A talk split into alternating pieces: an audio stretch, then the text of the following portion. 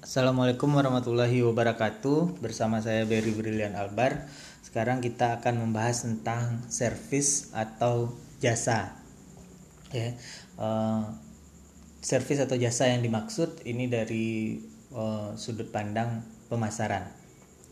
Pertama yang kita bahas adalah mengapa kita harus uh, belajar tentang jasa. Kenapa kita mempelajari uh, jasa? Ada banyak alasan beberapa di antaranya adalah di banyak negara itu jasa merupakan uh, pemberi keuntungan ekonomi dibandingkan sektor lainnya. Jadi kalau yang menghasilkan pendapatan bagi negara ada sektor pertanian, ada sektor manufaktur dan jasa merupakan salah satu yang cukup banyak uh, memberikan keuntungan bagi uh, negara. Anda bisa lihat di negara Anda sendiri uh, sektor jasa itu banyak mulai dari uh, pemerintahannya lalu ada misalnya jasa transportasi uh, jasa akomodasi jasa uh, perbankan hukum psikologi jasa kesehatan dan lain-lain. Itu adalah sektor jasa. Jadi kalau kita lihat di sekitar kita juga sangat banyak sektor-sektor uh, jasa ini yang pastinya berimplikasi pada pendapatan dan keuntungan bagi uh, negara Oke, jadi banyak pekerja di bidang jasa, banyak pendapatan juga bagi negara di bidang uh, jasa. Selanjutnya, di negara berkembang itu malahan pekerjaan didominasi oleh jasa. Jadi negara berkembang itu banyak di bidang jasa pekerjaannya dan sekarang juga pekerjaan-pekerjaan baru yang muncul itu juga di sektor jasa. Misalnya kalau dulu mungkin 10 tahun yang lalu mungkin populasi ojek itu tidak sebanyak hari ini. Jadi hari ini seperti bentuk pekerjaan baru juga untuk jadi ojek uh, baik yang mengantarkan orang maupun jadi uh, kurir. Nah, itu salah satu contoh jenis pekerjaan-pekerjaan baru yang kebanyakan itu juga di bidang uh, jasa. Seperti itu. Termasuk misalnya pekerjaan baru Anda jadi content creator itu juga jasa. Misalnya Anda jadi fotografer, videografer itu juga jasa. Anda jadi pemain bola itu juga jasa. Ditambah juga pekerjaan-pekerjaan lama juga banyak yang di bidang uh, jasa. Lalu selanjutnya pekerjaan ini di jasa ini mulai dari profesional hingga teknisi. Jadi lingkupnya cukup luas. Dari yang bergaji rendah sampai bergaji tinggi dari teknis sampai ke profesional dan perusahaan yang menyelenggarakan jasa juga dari perusahaan kecil sampai ke perusahaan besar dari perusahaan lokal domestik sampai ke perusahaan uh, global. Lalu kebanyakan aktivitas pemerintah dan organisasi non profit itu juga bergerak di bidang jasa. Uh, mulai dari yayasan misalnya bikin sekolah, lalu aktivitas pemerintahan di kabupaten, kota, provinsi, uh, mungkin yang Anda kenal PNS di pemerintahan. Nah, itu bentuknya adalah jasa. Kerja di rumah sakit itu juga uh, jasa. Organisasi non profit lainnya adalah misalnya di masjid misalnya garin misalnya itu juga uh, jasa. Jadi sangat banyak kerjaan di bidang jasa dan pekerjaan-pekerjaan baru itu juga banyak di bidang jasa. Faktor lain yang menyebabkan kita perlu untuk mempelajari jasa adalah begini uh, jika negara kita memiliki sumber daya alam yang melimpah uh, percayalah sumber daya alam itu biasanya akan habis. Negara kita misalnya penghasil minyak bumi ya minyak bumi suatu saat akan habis. Karena butuh ribuan tahun untuk diproduksi kembali dari fosil. Oh, negara kita misalnya produksi batu bara misalnya uh, di sawah lunto misalnya sudah tidak ada produksi batu bara skala besar. Jadi semua yang berbau manufacturing sampai pertambangan itu mau tidak mau lama kelamaan itu akan habis Sementara bisnis jasa makin lama itu makin banyak dan gak habis-habis. Oke, mungkin suatu saat negara kita akan kehabisan minyak, mungkin suatu saat negara kita akan kehabisan emas, mungkin suatu saat Arab Saudi akan kehabisan emas, mungkin suatu saat Prancis akan kehabisan uh, bahan bak bahan baku besinya, tapi percayalah orang akan tetap datang ke Prancis karena ada jasa pariwisatanya karena mereka pengen lihat Menara Eiffel.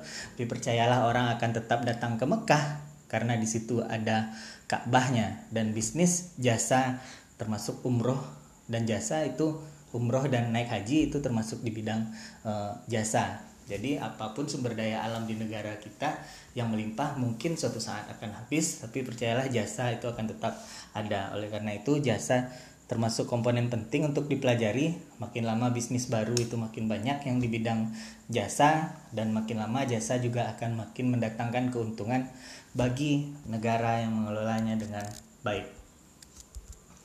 Oke. Selanjutnya apa itu jasa?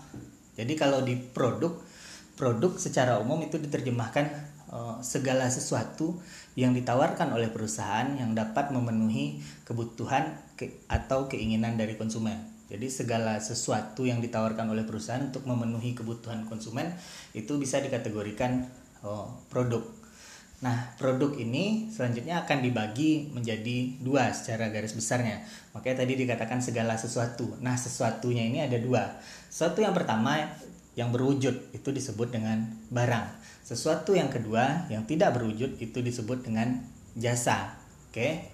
Kalau barang jelas benda, segala suatu benda yang ditawarkan kepada konsumen itu adalah barang, sedangkan jasa karena tidak berwujud bentuknya adalah tindakan. Jadi definisi jasa adalah uh, segala sesuatu atau sebuah tindakan atau perbuatan yang ditawarkan oleh seseorang atau perusahaan kepada orang atau kelompok lain yang dapat memenuhi kebutuhannya. Jadi jasa adalah tindakan.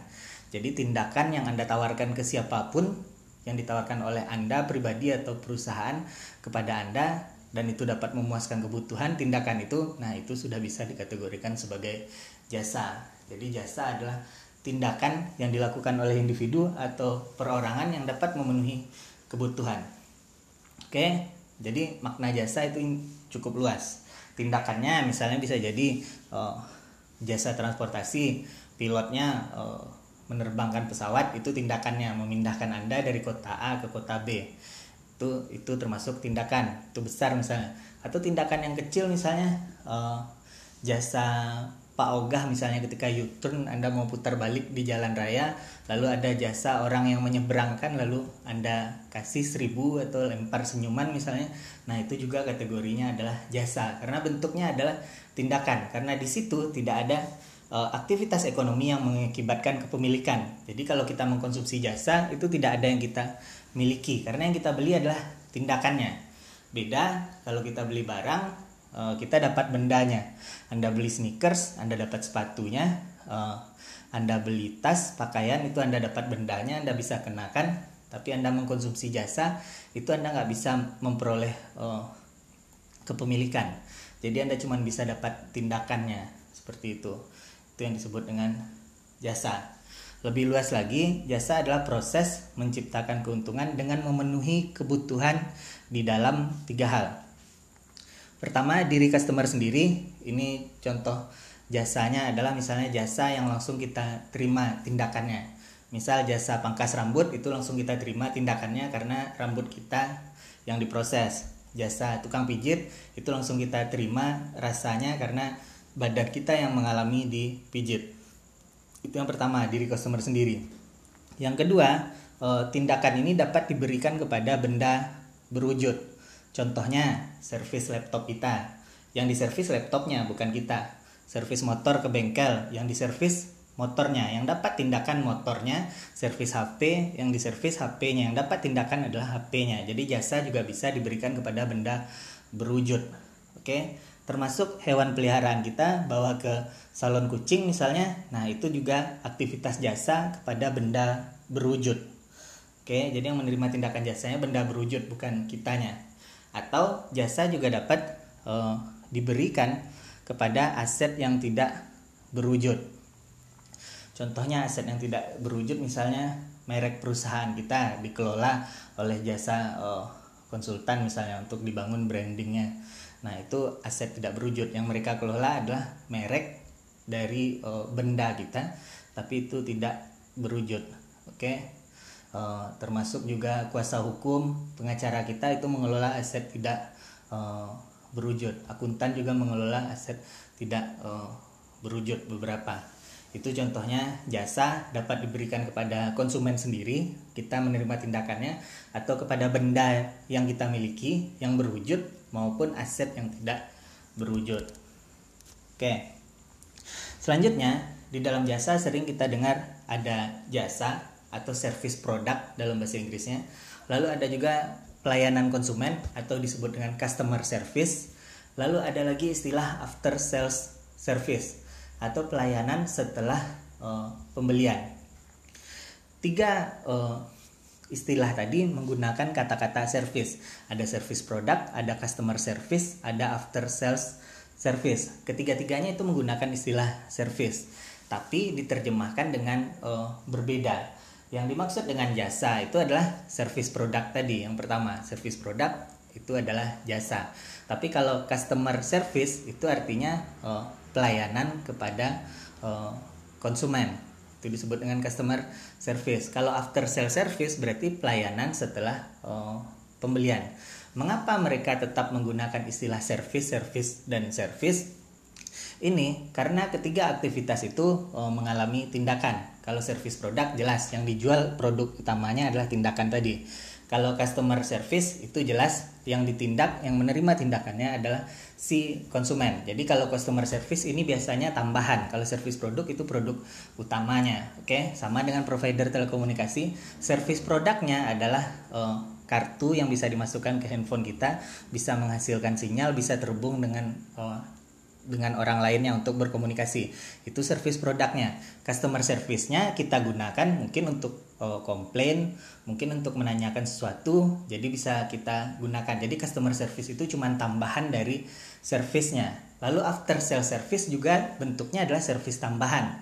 After sales service biasanya setelah kita beli barang atau jasanya Lalu setelah kita beli itu masih ada jasa tambahannya itu disebut dengan after sales uh, service. Misal kita beli barang uh, sepeda motor, after sales service-nya adalah jasa uh, bengkelnya. Oke. Jadi service produk adalah produk utamanya jasa, customer service itu jasa tambahan untuk melayani konsumen. After sales service itu jasa tambahan juga setelah pembelian produk baik barang atau uh, jasa jadi pada akhirnya kita mau jualan barang atau jasa itu kita nggak akan lepas dari yang namanya jasa tambahan.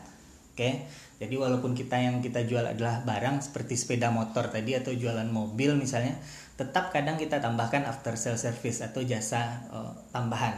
Jadi bisa dikatakan hampir semua produk yang dijual baik barang atau jasa itu tidak luput dari aktivitas jasa. Baik yang dijual itu benar-benar jasa atau yang dijual itu bisa jadi barang dengan tambahan jasa seperti customer service atau after sales uh, service. Jadi apa pun produk kita, mau barang atau jasa, itu tidak akan luput dari jasa maupun dalam bentuk jasa uh, tambahan. Selanjutnya kita akan bahas perbedaan antara produk dan uh, jasa. Maksudnya di sini produknya adalah barang. Jadi ada goods and service, ada barang dan jasa. Karakteristik utama yang berbeda antara good and service adalah kalau barang itu berwujud. Makanya barang dikatakan tangible, sedangkan jasa itu intangible, tidak berwujud. Ini uh, different perbedaan yang paling umum. Jadi kalau barang seperti yang saya ceritakan Anda beli mobil itu ada wujud mobilnya, tapi Anda mengkonsumsi jasa transportasi naik bus, Anda nggak bisa memiliki busnya, tapi Anda menerima tindakan Anda diantarkan ke tempat tujuan. Jadi jelas kalau barang Anda bisa memiliki barangnya karena dia berwujud, sedangkan jasa itu tidak berwujud ya karena nggak berwujud, apalagi yang bisa Anda miliki. Nggak pernah ceritanya kita beli tiket pesawat walaupun mahal, lalu kita berhak atas pesawatnya, tidak, nggak boleh juga bawa pulang pesawatnya. Oke, selanjutnya perbedaannya adalah eh, produk jasa ini memiliki usia yang pendek dibandingkan barang dan tidak bisa diinventarisasi. Artinya kita nggak bisa nyetok jasa, oke, nggak bisa disimpan, nggak bisa di stok. Usianya juga pendek. Apa contohnya? Contohnya ini misalnya, kita beli uh, sepatu itu sampai 10 5 tahun ke depan itu wujud sepatunya masih ada. Kita simpan di gudang itu bisa, tapi jasa nggak bisa. Misal kita konsumsi jasa potong rambut misalnya. Dipotong rambut kita keluar dari pangkas rambutnya barbershop atau salon itu hasilnya oke. Okay, tapi nggak tahan lama.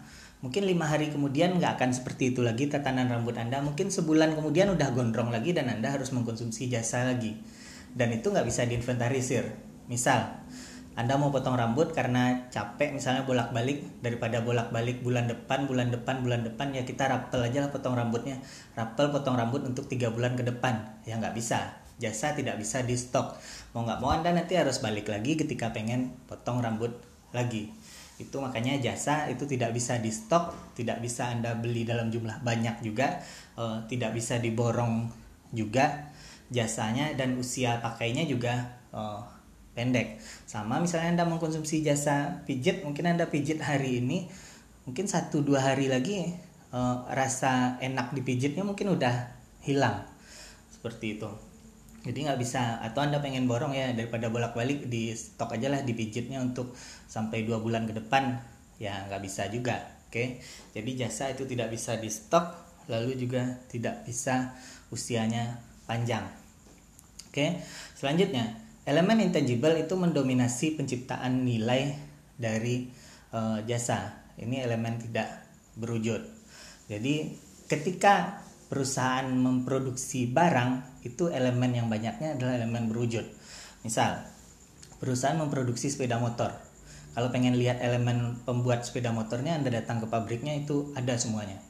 Ada mesinnya, ada peralatan untuk merakit uh, motornya, ada semua uh, plastiknya, karetnya, bannya, besinya, uh, ada orangnya juga yang merakit itu kelihatan tangible semuanya. Tapi kalau jasa itu termasuk di prosesnya pun elemen intangible-nya itu banyak. Contohnya adalah ke uh, tukang pangkas. Ketika Anda ke tukang pangkas, itu yang kelihatan oleh Anda cuman si uh, tukang pangkasnya sama guntingnya sedangkan value-nya itu dibalik itu value-nya adalah mulai dari ilmu si tukang pangkasnya, pengalaman si tukang pangkasnya, selera si tukang pangkasnya, kreativitas si tukang pangkasnya, keahlian si tukang pangkasnya itu nggak kelihatan semuanya. Kelihatan cuma wujud tukang uh, pangkasnya. Jadi elemen di dalam memproduksi jasa itu banyak elemen yang tidak berwujud. Sama dengan jasa uh, makanan misalnya, restoran misalnya. Mungkin Anda bisa lihat chefnya, sauce chefnya, Anda bisa lihat tukang masaknya, kedai nasi goreng pinggir jalan, Anda bisa lihat tukang gorengnya. Tapi cuman itu yang bisa Anda lihat. Apa yang dibalik itu Anda nggak bisa lihat. Entah berapa lama pengalamannya masak nasi goreng, entah bumbu rahasia dari keturunan keberapa yang dia gunakan uh, entah bagaimana mood dan skillnya hari itu itu nggak akan uh, terlihat jadi elemen untuk me men menciptakan nilai dari jasa itu banyak yang tidak uh, berwujud. Selanjutnya karakteristiknya adalah orang merupakan bagian dari pengalaman jasa. Oke berbeda dengan barang itu barang itu bisa diwakilkan untuk penggunaannya. Sementara dari jasa, kebanyakan dari jasa itu harus melibatkan orangnya langsung untuk terlibat. Misal, jasanya adalah misalnya Anda mengkonsumsi jasa jasa melahirkan misalnya operasi sesar. Itu Anda harus terlibat. Anda mau disesar ya Anda sendiri harus hadir. Oke, Anda mau operasi usus buntu, Anda sendiri harus hadir, nggak bisa diwakili itu jasa makanya melibatkan orang di dalam pengalaman jasanya Anda mau pangkas rambut Anda harus hadir untuk dipangkas uh, rambutnya Anda mau mengkonsumsi jasa transportasi Anda harus hadir misalnya naik ojek Anda harus hadir naik uh, ke jok ojeknya lalu pakai helmnya lalu sampai ke tempat tujuan. Jadi orang atau manusia yang mengkonsumsi jasanya itu adalah bagian dari pengalaman jasa berbeda dengan uh, barang.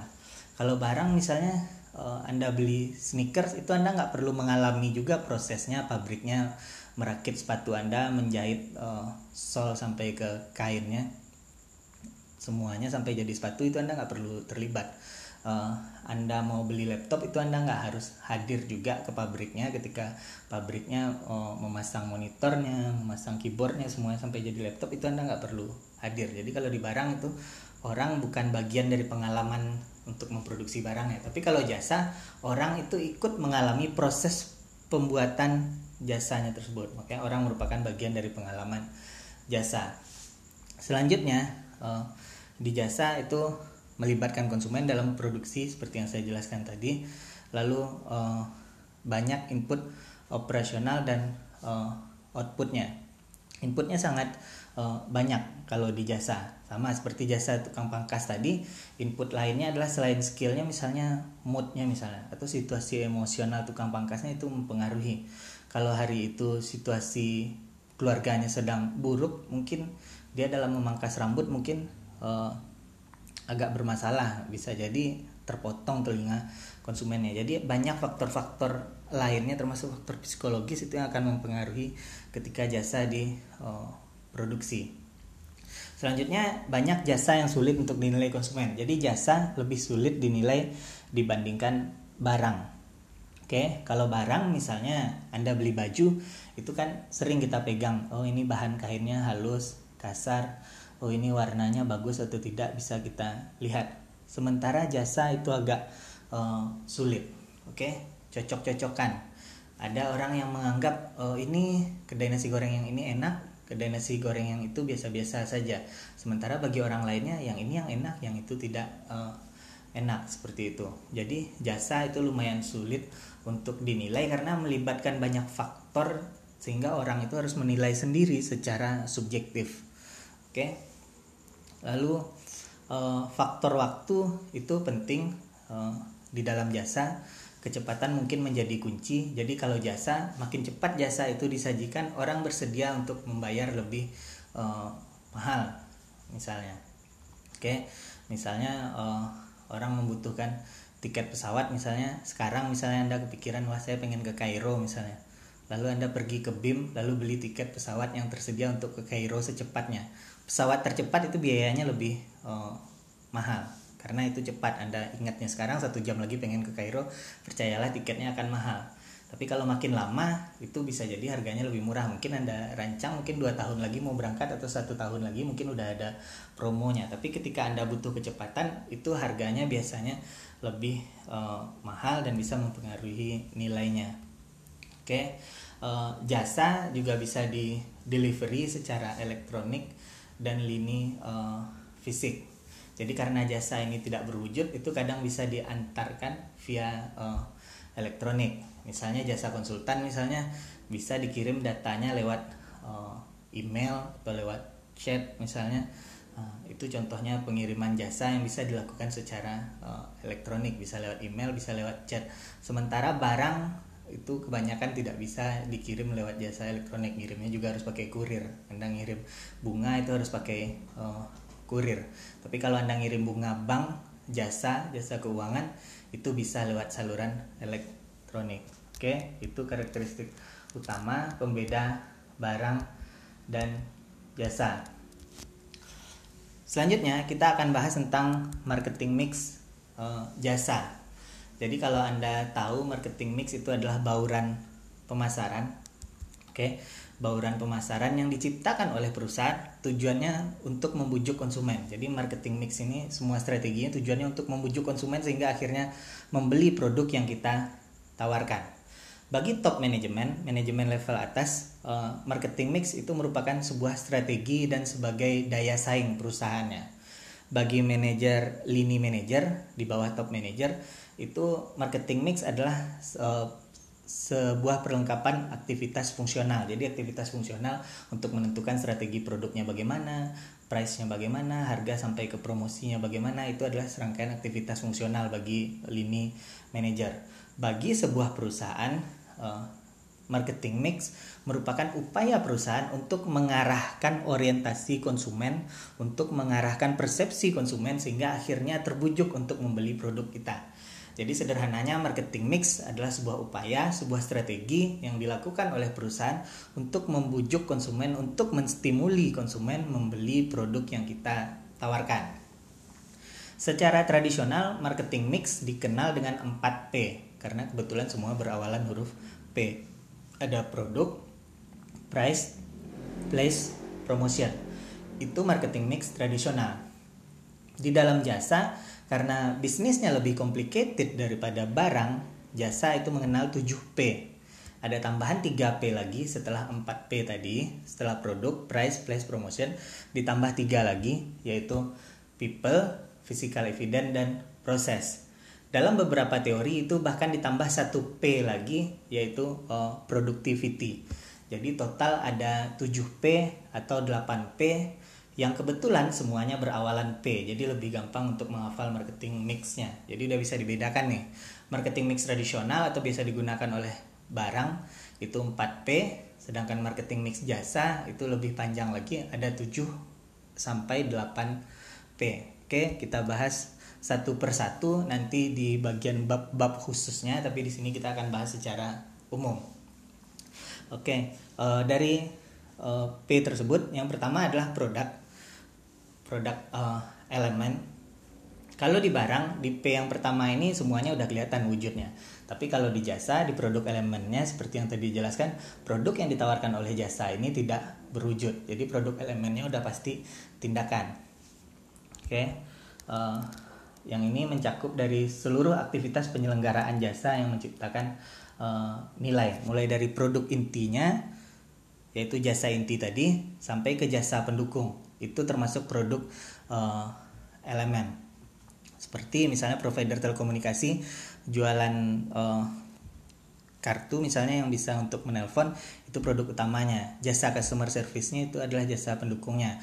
Misal sebuah bank menawarkan jasa utamanya untuk penyimpanan bank penyimpanan uang dan juga untuk peminjaman uang itu adalah jasa utamanya. Jasa tambahannya adalah bisa uh, customer service bisa uh, customer care termasuk penambahan lainnya seperti adanya tersedia uh, eh, ATM, ada tersedia fasilitas debit dan lain-lainnya itu adalah termasuk jasa pendukung dari jasa utamanya. Seluruh elemen itu masuk di dalam P yang pertama yaitu produk elemen di dalam uh, jasa. Intinya di P yang pertama ini kita menawarkan nilai utama atau jasa utama dan jasa pendukung yang ditawarkan kepada si konsumen. Jadi perusahaan kita boleh jualan jasa inti saja boleh juga jasa inti ditambah dengan jasa uh, pendukung. Yang wajib itu jasa inti. Kalau mau lebih tinggi lagi value-nya berarti ditambah lagi jasa pendukung. Makanya ketika kita lihat produk jasa itu jarang juga dia yang cuma jualan jasa inti. Pasti ada jasa jasa jasa uh, tambahan lainnya. Misal anda order gojek jasa intinya itu memang benar jasa transportasi tapi ada jasa tambahan lainnya. Anda bisa mungkin isi pulsa anda bisa isi uh, vouchernya anda bisa lakukan hal-hal lain yang mana itu jasa pendukung di uh, di luar dari jasa intinya. Jadi sah-sah saja di produk Anda, Anda cuma menawarkan jasa inti, Anda boleh juga menawarkan jasa pendukung. P yang kedua adalah place and time. Atau kalau di jasa itu hubungannya adalah dengan uh, location dan waktu. Oke. Okay? Uh, jadi di sini menjelaskan tentang misalnya jasa Anda jasa offline misalnya Anda harus tentukan lokasinya. E, misalnya jasa pangkas rambut Anda tempatnya di mana, lokasi geografisnya di e, mana atau jasa Anda jualannya online misalnya ya harus jelas lokasinya adalah lokasi web addressnya, alamat webnya di e, mana. Jadi itu termasuk komponen dari place. Dan di place ini juga termasuk mengurus tentang time-nya, waktu karena jasa itu ada jadwal pelayanan sama ketika anda konsultasi ke dokter dokter itu kan jasa itu ada jam pelayanannya. Buka setiap hari kerja misalnya sabtu minggu libur. Itu adalah jadwal uh, pelayanan. Atau buka dari jam 10 pagi sampai jam 10 malam. Itu jadwal pelayanan. Restoran favorit anda itu ada jam uh, bukanya. Ada yang buka jam 10 sampai jam 11 malam. Ada juga jadwal pelayanannya yang 24 jam misalnya. Lalu di place and time juga uh, termasuk mengurus tentang saluran fisik apakah jasa ini bisa diantarkan jasa ini bisa di delivery secara fisik atau secara elektronik diantarkan langsung ke rumah anda diantar delivery misalnya atau dikirim lewat saluran elektronik seperti email atau chat uh, dan lain-lain. Jadi di P yang kedua ini di jasa adalah place and time. P yang ketiga di jasa adalah uh, price. Oke? okay? Uh, di sini di komponen ini jasa itu menetapkan uh, harga. Penetapan harga itu kalau barang dibanding jasa lebih sulit untuk menetapkan harga jasa. Kenapa? Karena tinggi unsur intangible-nya. Jadi kebayang kan? Karena unsur tidak berwujudnya tinggi ya gimana cara ngitungnya? Ketika anda mungkin jualan lontong itu biayanya mungkin anda bisa hitung mulai dari berasnya berapa minyak gorengnya berapa beli santannya berapa beli uh, sayurnya berapa beli kerupuknya berapa lalu jualan lontongnya ketika udah di atas piring itu berapa harganya. Karena komponen biayanya itu kelihatan. Oke okay? komponen costnya itu kelihatan. Sementara kalau di jasa mayoritas itu nggak kelihatan. Coba anda pikirkan misalnya anda bisnis anda adalah uh, jasa anda adalah seorang dokter misalnya Gimana caranya Anda memutuskan bahwa satu kali konsultasi dengan Anda sebagai dokter spesialis itu tarifnya misalnya 150 ribu? Apa dasar menentukan 150 ribu? Apakah Anda akan ngitung berapa harga stetoskopnya, berapa bayar listrik lampu di ruangan dokternya, berapa harga kasurnya, berapa harga meja dokternya? Kan nggak bisa begitu juga. Karena semua komponennya juga nggak dipakai habis oleh si konsumen. Jadi di jasa itu lebih sulit untuk menentukan harganya. Metode metodenya tetap sama, hitung biaya lalu ditambah keingin, uh, keuntungan yang diinginkan. Tapi komponen biaya di jasa itu lebih sulit untuk uh, menghitungnya. Oke, lebih lanjut nanti dijelaskan pada bab tentang uh, harga dari uh, jasa. Oke, komponen P yang keempat adalah promotion and education. Di sini di dalam jasa mungkin sama dengan uh, barang ya sama-sama menggunakan promotion mic atau bauran promosi uh, metode promosi ini digunakan untuk mengedukasi konsumen, memperkenalkan kepada konsumen tentang produk, membujuk konsumen untuk membeli produk melalui promosi entah itu iklan atau ngasih diskon atau ngasih hadiah langsung buy one get one misalnya atau ngasih hadiah undian dan lain-lain bujukan promosi lainnya itu sama dengan barang. Jadi sama-sama menggunakan bauran promosi juga entah itu advertising, direct selling, personal selling, event sponsorship, direct marketing, uh, word of mouth uh, dan lain-lainnya. Intinya ini sama menggunakan uh, saluran pemasaran saluran komunikasi pemasaran terintegrasi atau integrated marketing communication atau biasa juga disebut dengan bauran promosi. Oke. Lanjut. P yang kelima adalah proses. Proses ini kalau di barang tadi sudah berakhir sampai di P yang keempat sampai di promosi. Nah kalau jasa itu masuk P yang selanjutnya yaitu uh, proses.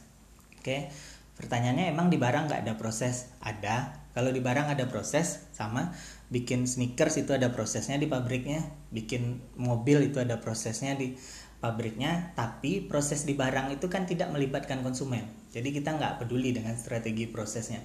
Tapi kalau jasa itu prosesnya melibatkan konsumen. Kita harus hadir pangkas rambutnya, kita harus hadir ketika berobatnya, kita harus naik ojeknya, kita harus uh, hadir misalnya ketika dipijit misalnya. Jadi kalau di proses di jasa itu melibatkan konsumen, makanya dia keluar lagi strateginya, tambah lagi satu lagi proses di sini akan merancang tentang diagram alur biasanya. Proses dari jasa bagaimana proses jasa ini disiapkan sampai diberikan kepada konsumen sampai selesai dikonsumsi oleh si konsumen. Itu masuk di komponen proses di jasa.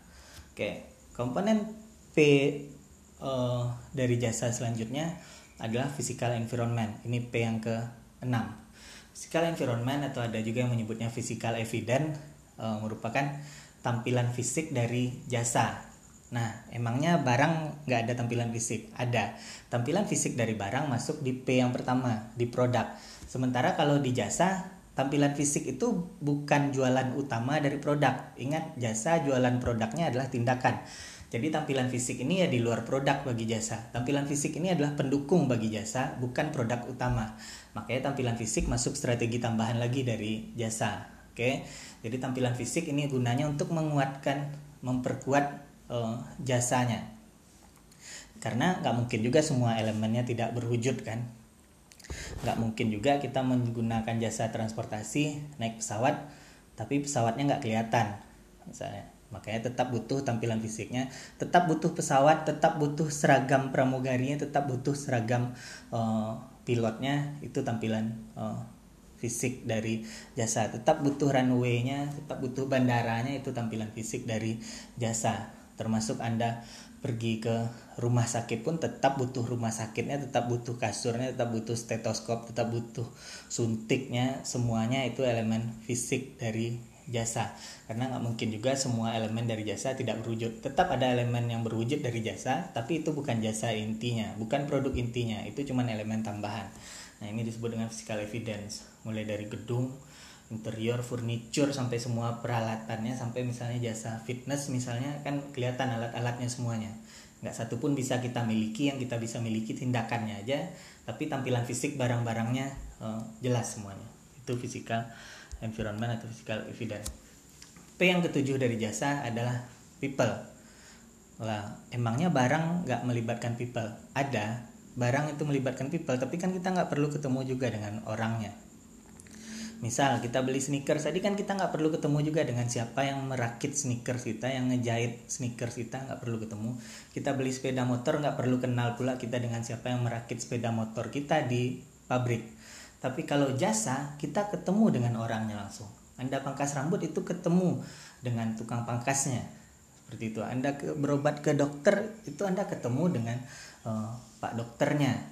Seperti itu. Jadi karena di dalam jasa ini orangnya bersentuhan dengan konsumen, makanya masuk dia dalam strategi tersendiri lagi di dalam people. Makanya ketiga tambahan P dari marketing mix tradisional yang cuma produk price place promotion ditambah 3P lagi itu karena 3P itu yaitu proses people dan physical evidence itu melibatkan konsumen lagi jadi konsumen terlibat juga jadi butuh strategi lagi di dalam pemasaran makanya dia masuk di dalam marketing mixnya oke komponen terakhir kalau ada yang mau menambahkan dalam beberapa teori ada yang menambahkan P yang ke-8 yaitu productivity and quality di sini menjelaskan tentang produktivitas dan kualitas dari jasa itu. Jadi produktivitas dan kualitas itu harus uh, sejalan.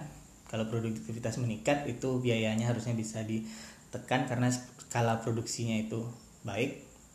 Produktivitas yang baik itu akan memelihara kualitas, kualitas yang baik akan bikin konsumen puas, konsumen yang puas itu akan uh, loyal. Jadi P yang keempat ini adalah meningkatkan produktivitas dan meningkatkan kualitas dari jasa dan ini juga masuk dalam komponen dari strategi marketing mix yang dapat diterapkan oleh uh, jasa. Oke, uh, terima kasih. Semoga menjadi ilmu yang bermanfaat.